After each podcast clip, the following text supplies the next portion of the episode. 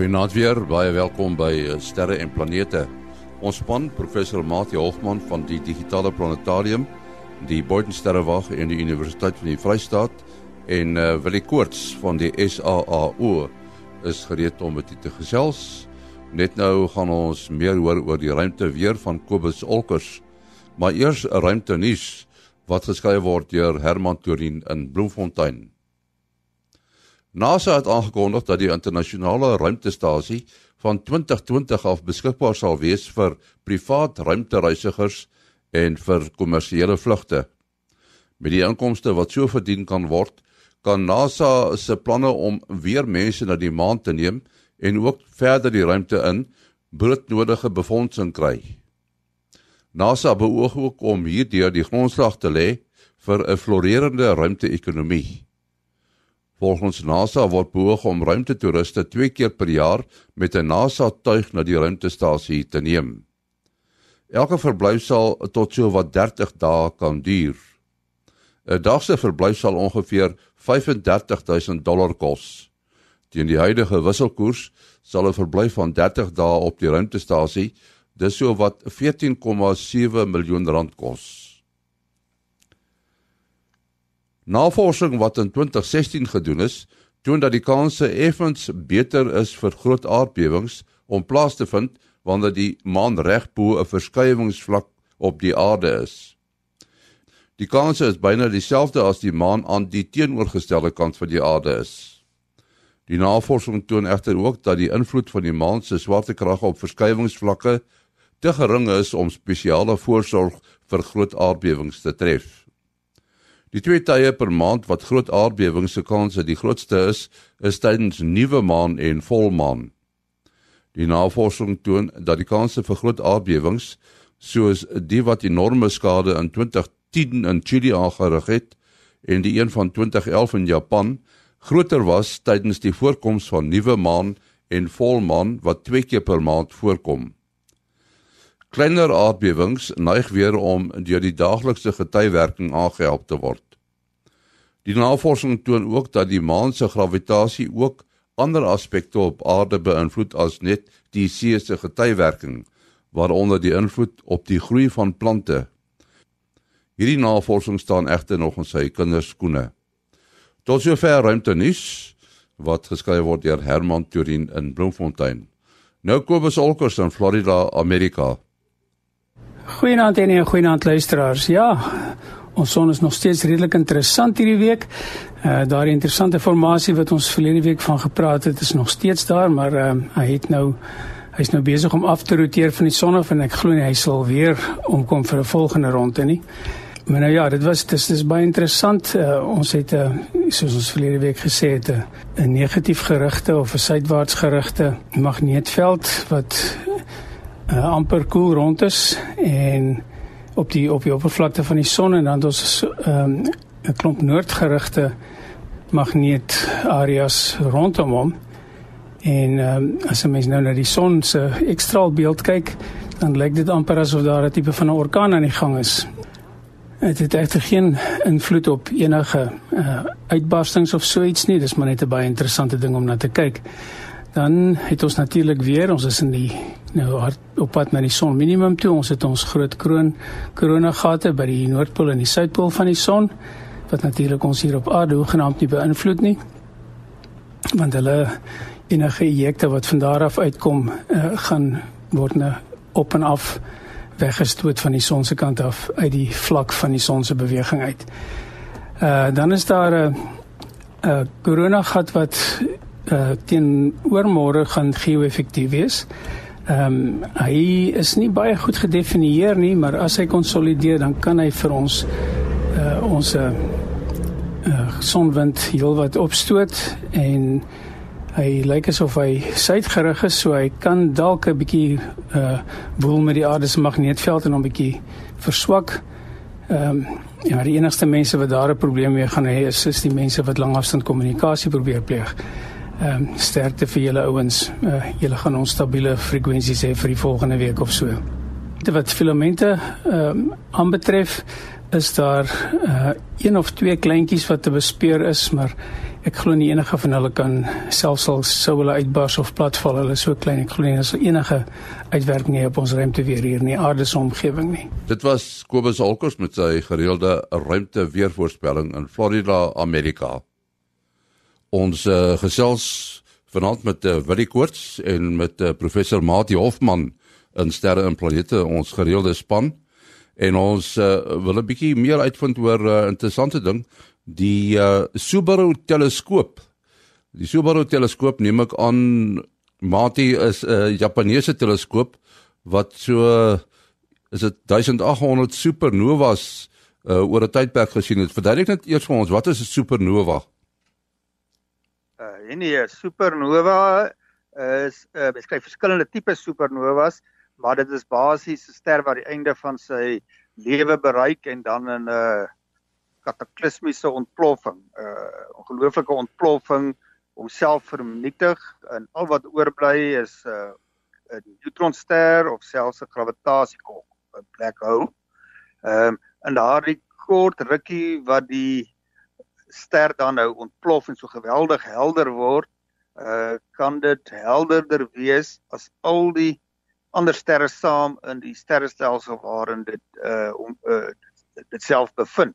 So mens kan nou dink daar kan gemiddeld 100 200 biljoen sterre in 'n sterrestelsel wees wat dan 'n aanduiding gee van hoe geweldig helder so 'n supernova uh is en dit uh, maak dan ook dat hierdie individuele supernova se individuele ster wat ontplof oor geweldige groot afstande gesien kan word tot op die uithoeke van die waarneembare uh heelal moet jy 'n uh, hel 'n uh, groot genoeg teleskoop uh gebruik. En dit is nou waar die Subaru uh of Subaru soos nou die regte uitspraak probeer uh teleskoop uh, uh inkom uh ek dink sy deursnee is 8 meter so dit maak dit een van die groot teleskope op aarde nou die die teleskoop is van Japaneese oorsprong maar hy staan nie in uh Japan nie hy's in in Hawaii waar daar beter baie beter uh omstandighede is, baie donkerder. Ehm um, nou hierdie bepaalde werk oor die supernovas is deur 'n groep onder leiding van 'n groep by die National Astronomical Observatory van Japan gedoen.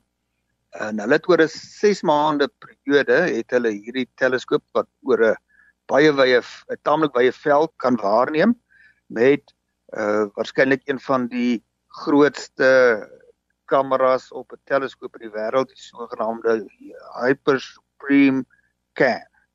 En uh, uh wil jy kan nou miskien kommentaar daarop lewer want jy werk mos baie met hierdie CCD kameras. Hulle sê hierso uit uh beskik oor 870 megapixels. Nou die selfoon kameras wat ons gebruik trek ons nou darm al by 16 megapixels, maar hierdie is darm nou heelwat meer as 10 megapixels, maar die groot verskil is natuurlik ook die die uh kwaliteit wat maak dat hierdie uh, hierdie soort sterrekundige kameras baie baie hoër kwaliteit het en 'n baie groter effektiwiteit het as die kameras wat ons in die alledaagse uh, lewe gebruik. Nou uh, ons het nou gesê oor 'n tydperk van 6 maande is 1800 supernovas ontdek. Nou van daardie 1800 is daar 58 wat van besondere belang is. Dit is sogenaamde tipe 1A supernovas.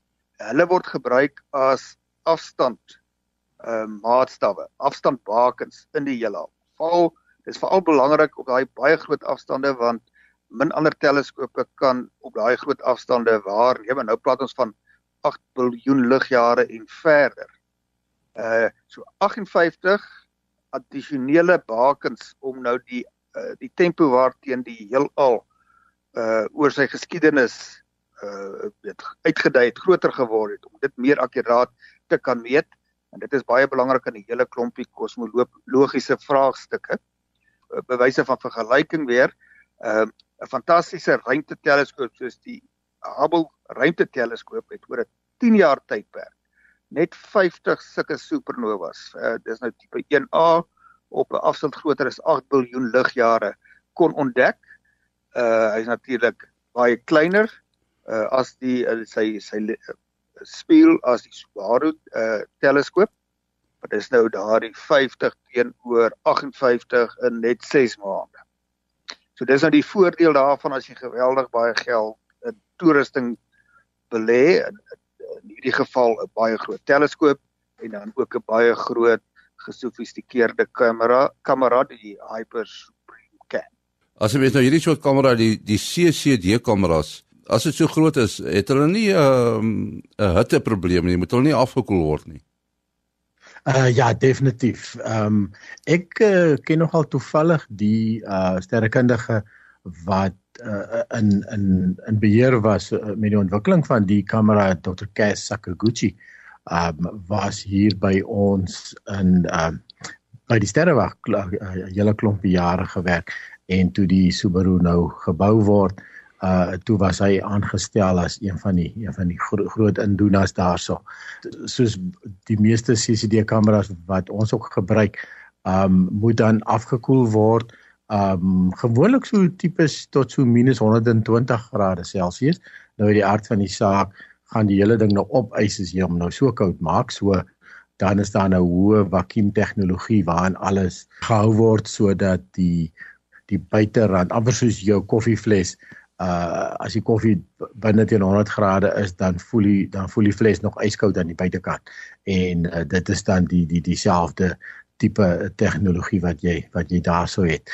En dan soos Mati genoem het die die hoek wat die kameras dek of die CCD's uh, dis 'n klompie CCD's wat wat dan saamwerk. Ek dink jy sal omtrent seker so 20 volmaane kan inpas in hierdie in hierdie veld. So dis 'n groot deel van die naghemel wat hierdie geweldige ligversamelingsfaktor wat jy dan um die die ontdekking uh, kan doen. Ja, ek miskien net byvoeg, uh, maar dit nou die nou die nou die 58 uh daar uitgesonder. Dit is natuurlik verder as 8 uh, miljard uh, ligjaar soos hy soos hy genoem het. Um maar hulle het op die ouend meer as 400 uh tipe 1A's ontdek. So uh maar maar 58 van hulle is dan is dan baie verder en soos Mati gesê het, uh jy jy het hier 'n ongelooflike oulike manier om uh die grootte van die heelal te bepaal want uh wat so wonderlik is omtrent hierdie supernova, hierdie tipe 1A supernova, is dat hulle helderheid is baie standaard. So jy weet presies hoe helder is uh, so 'n ster wat ontplof. Dit is nou hoe hoe helder hy raak, sê nou maar soos soos soos 'n kers uh kers sê maar dit min of meer altyd dieselfde helderheid. Maar as jy die kers verder van jou afvat, dan raak die kers dowwer van van hier waar jy sit. En dit is presies wat hier gebeur. So as hierdie uh so as jy hom kan identifiseer as 'n 'n tipe 1A, uh dan weet jy hy's uh sy sy helderheid is soveel en nou meet jy hom en jy sien o, hy's nou net so helder. So dit beteken dat hy moet op daardie afstand lê en en 'n baie baie vinnige manier om deur ehm um, deur net die helderheid wat jy op die aarde sien, die afstand te bepaal. Ja en, en dan Mati het genoem van die geweldige hoeveelheid energie. Ehm um, nou tipies 'n uh, supernova sal in 1 sekonde dieselfde lig uitsit of energie dan nou uitsit wat uh, hy terwyl terwyl die ster gebrand het vir 'n miljoen jaar lank. So in 1 sekonde dieselfde hoeveelheid energie as wat die ster gedurende 'n miljoen jaar van sy lewensyd uitgesit het. Ongelowig, ongelooflike, helder en dan ook vinnige goeders in sterrekunde. Die meeste goed in sterrekunde as jy nou vanaand kyk of jy môre kyk of oormôre maak nie saak nie. Maar um 'n supernova gaan letterlik binne sekondes af en en vat dan so 'n klompie maande om om dan weer te verdof uh sodat die die ster nie meer so helder is nie. So in 1987 was daar 'n supernova wat afgegaan het in die groot groot Magellaanse wolk, so 170 000 ligjaar. Nou in sterrekundige terme is dit in ons agterplaas.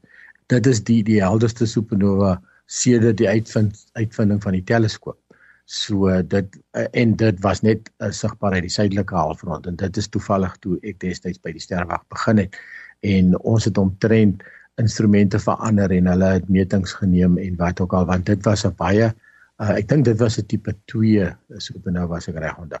Uh, en die manier natuurlik om hom te identifiseer uh gebruik jy nou spektrograwe en wat ook al. So uh um dit is dit is ook 'n hele 'n hele studieveld op sy eie. Ja, die uh, Willie Prof Varga wat daar by Unisa was, die by die wiskunde sterrekunde departement, hy het nog vir my mooi verduidelik waar ek daai super supernova kan sien waarvoor ek moet uitkyk. En uh uh, uh sy reg onthou moes ek 'n verkyker gebruik en uh, sy kleur was oranjerig. As ek is dit reg? Dit soos jy dit onthou. Ja, ja, want dit was ook net toe ek by die sterreweg begin het, toe was hy nog blote ooghelderheid.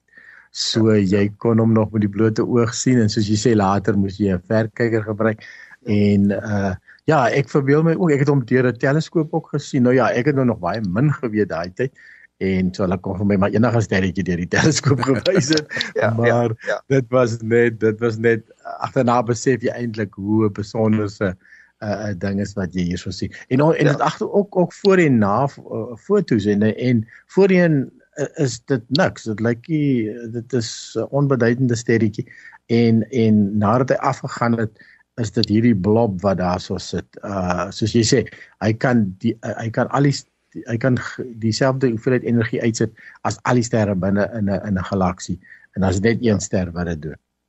Ja, ja, en wat nou interessant is, ons kry nou uh, supernova, mens kry ook novas uh, wat nou nie naaste by so helder uh, is as die supernovas nie. Maar hy uh, in die tyd van Tycho Brahe, dit was nou 'n tydgenoot so 'n voorganger van Galileo, het hy 'n nova ontdek en dit was 'n baie groot ontdekking omdat dit ondubbelsinnig aangedui het. Ek nou praat ons van die 1500s net. Uh dat die sterrehemel nie onveranderlik is en perfek. Uh, mens sal dit amper verbasend vind dat uh, dit voel nou nie in terme van die geskiedenis van die natuurwetenskap so lank terug nie, maar wel dit is 'n paar eeue, maar in die tyd van die van die van die ou Griekse wysgeere en dit was slim mense, maar hulle het bepaalde aannames gehad wat hulle die eers bevraagteken net nie wat vandag vir ons baie vreemd was. Maar een daarvan is alles buite die sfeer van die aarde, eh, daar waar die hemelsfeer gelees is onveranderlik. En vandag weet ons dit is baie bepaald nie die geval nie. Die die frekwensie en die tempo waarteen dinge verander is net bietjie buite ons na, normale uh belewenis omdat dit seldsaam is of baie stadig uh, gebeur. Uh, nog 'n belangrike ding om hier te noem is weet hoe weet hulle nou hierdie tipe 1A supernovas het almal dieselfde helderheid? Want hulle kom nou op baie verskillende plekke in die heelal voor.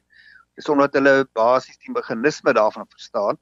En dit is wanneer jy nou 'n wit dwerg het wat saam met 'n ander ster in 'n binêre stelsel uh, is nou die wit dwerg het te min massa om kernproses aan die gang te hou. En uh, as hy nou materiaal insluk deur akkresie uh vanuit die ander ster en hy bereik 'n sekere kritiese massa dan vind hierdie weghol reaksie uh plaas. En daardie kritiese massa gaan dieselfde wees oral uh in die in die heelal. Nou kom ons bring na 'n uh, ander onderwerp en dit is brandstof wat in die ruimte gebruik word. Nou as vuurpyle opgeskiet word dan is dit uh, normaalweg vaste toestand brandstof maar as satelliete daar bo beweeg word, dit dink aan die internasionale ruimtestasie want hy word mos so elke nou en dan opgedruk om 'n uh, bietjie hoër te wentel want die aarde se uh, aantrekkingskrag trek hom ons maar ook geleidelik af. Uh daar is nou blykbaar 'n uh, alternatiewe brandstof as die bekende hydrazine uh, ontwikkel. Wil jy weet jy iets meer daarvan? Uh ja, dit is 'n uh, interessante verwikkeling uh ja want hierdie hierdie hydrazine is is baie soos parafin. Uh seker amper seker maar kragparafin kan jy dit uh, beskou. Dit is ook nie vreeslik onvlambaar nie, maar natuurlik dieselfde brandstof waarmee ons uh moet ons vliegtye rondvlieg um uh, van punt A na punt B gebruik ook maar 'n uh, baie lae uh mense dink altyd vliegtuigbrandstof moet baie hoogs vlambaar wees. Uh dit is wel vir die piston engines uh die hoë vlambare en en onthou in die weermag het ons ge, gepraat van F gas.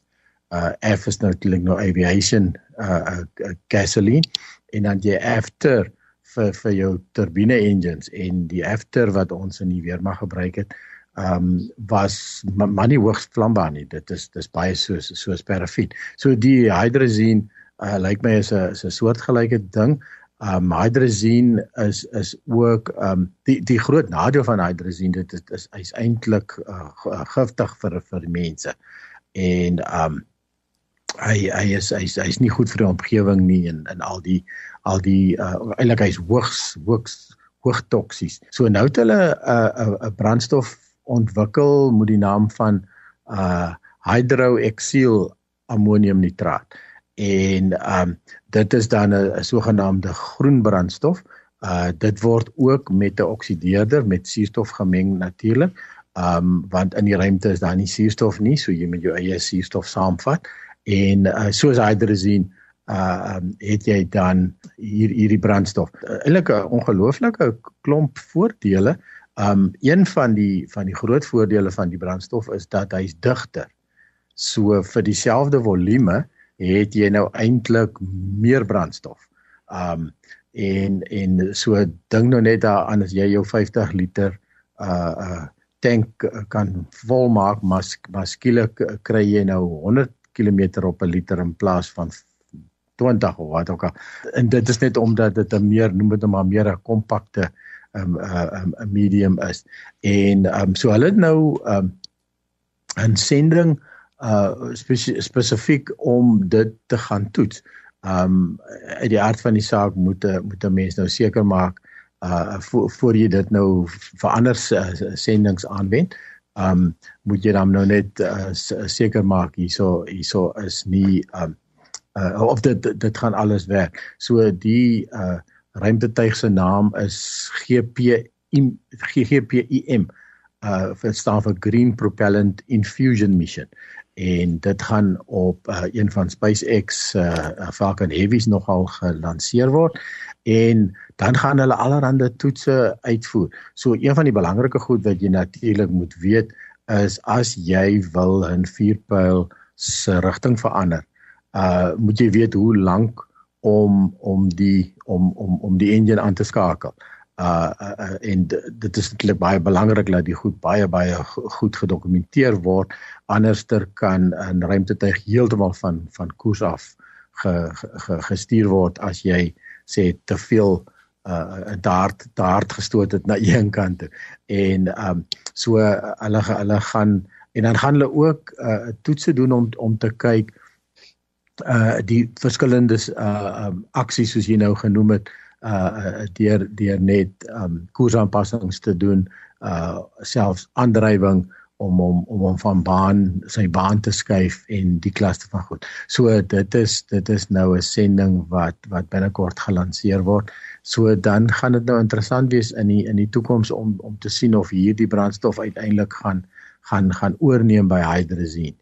Net aanvullend by wat jy nou-nou gesê het, dat uh, soos uh, toe jy na die internasionale ruimtestasie verwys het, wat dit uh, soms of redelik dikwels nodig is om om op 'n bietjie ekstra stiekrag te gee, bietjie eerste aandrywing dat sy baan weer 'n bietjie kan lig. Dit is die uh natuurlik die gekombineerde uitwerking van buite die gravitasiekrag plus die lugweerstand. Alhoewel baie min wat daar tog nog op die hoogte van ongeveer 400 km bo die aarde bestaan. As daar absolute vakuum was, dan sou die gravitasie uh om net in sy baan gehou het. Maar sodra hy nou deur die atmosfeer gerem word, dan is die gesamentlike effek waar die gravitasie natuurlik dan nou 'n uh, groot rol speel is dan om nou om te laat inspiraal. Maar behalwe daarvan om sy hoogte oor die aarde konstant te hou, uh beweeg hulle hom ook 'n bietjie uh bietjie verder, bietjie nader of uh sywaarts om uh ruimte afval te vermy. As die uh voorspellings vir uh, die, die verbyvlug, die afstand met be bekende uh ruimteafval waarvoor daar nou 'n katalogus al opgestel is onder 'n sekere hoeveelheid uh is kleiner as 'n sekere hoeveelheid ek is nie seker hoeveel nie miskien uh enkele kilometer uh dan sal hulle besluit dat kom ons beweeg om 'n bietjie verder uh vanuit daardie baan om die risiko te verminder. Ja, ons moet afsluit. Uh, wil jy jou besonderhede? Ja, mense kan uh bel of WhatsApp of SMS 072457928